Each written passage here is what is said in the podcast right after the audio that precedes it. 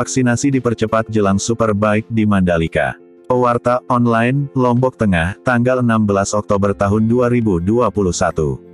Dalam rangka persiapan World Superbike WSBK, yang akan digelar pada 19 sampai 21 November tahun 2021 di Mandalika International Street Circuit, Menteri Koordinator Bidang Perekonomian Airlangga Hartarto melakukan kunjungan ke Mandalika, Kabupaten Lombok Tengah, Provinsi Nusa Tenggara Barat, NTB, tanggal 14 Oktober tahun 2021.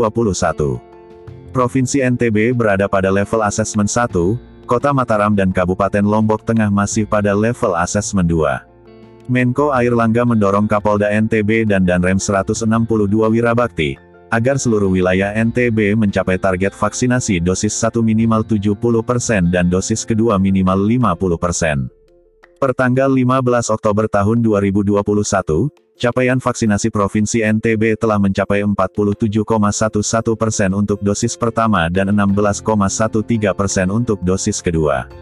Kabupaten Lombok Tengah, yang merupakan tuan rumah event WSBK Mandalika, telah mencapai 66,04 persen dosis pertama dan 13,7 persen untuk dosis kedua.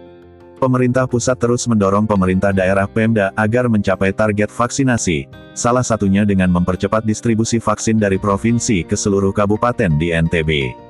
Serta percepatan pencatatan vaksinasi di PKR untuk integrasi data. Pertanggal 14 Oktober tahun 2021, Provinsi NTB tercatat memiliki kasus terkonfirmasi sebesar 27.559 kasus dengan 95,92 persen kasus sembuh. Dengan adanya percepatan vaksinasi, akan tercipta herd immunity serta tidak menciptakan klaster baru selama pelaksanaan maupun pasca pelaksanaan World Sumber Baik WSBK. Gelaran WSBK ini diharapkan mendatangkan semakin banyak wisatawan lokal dan internasional, serta menarik devisa untuk negara.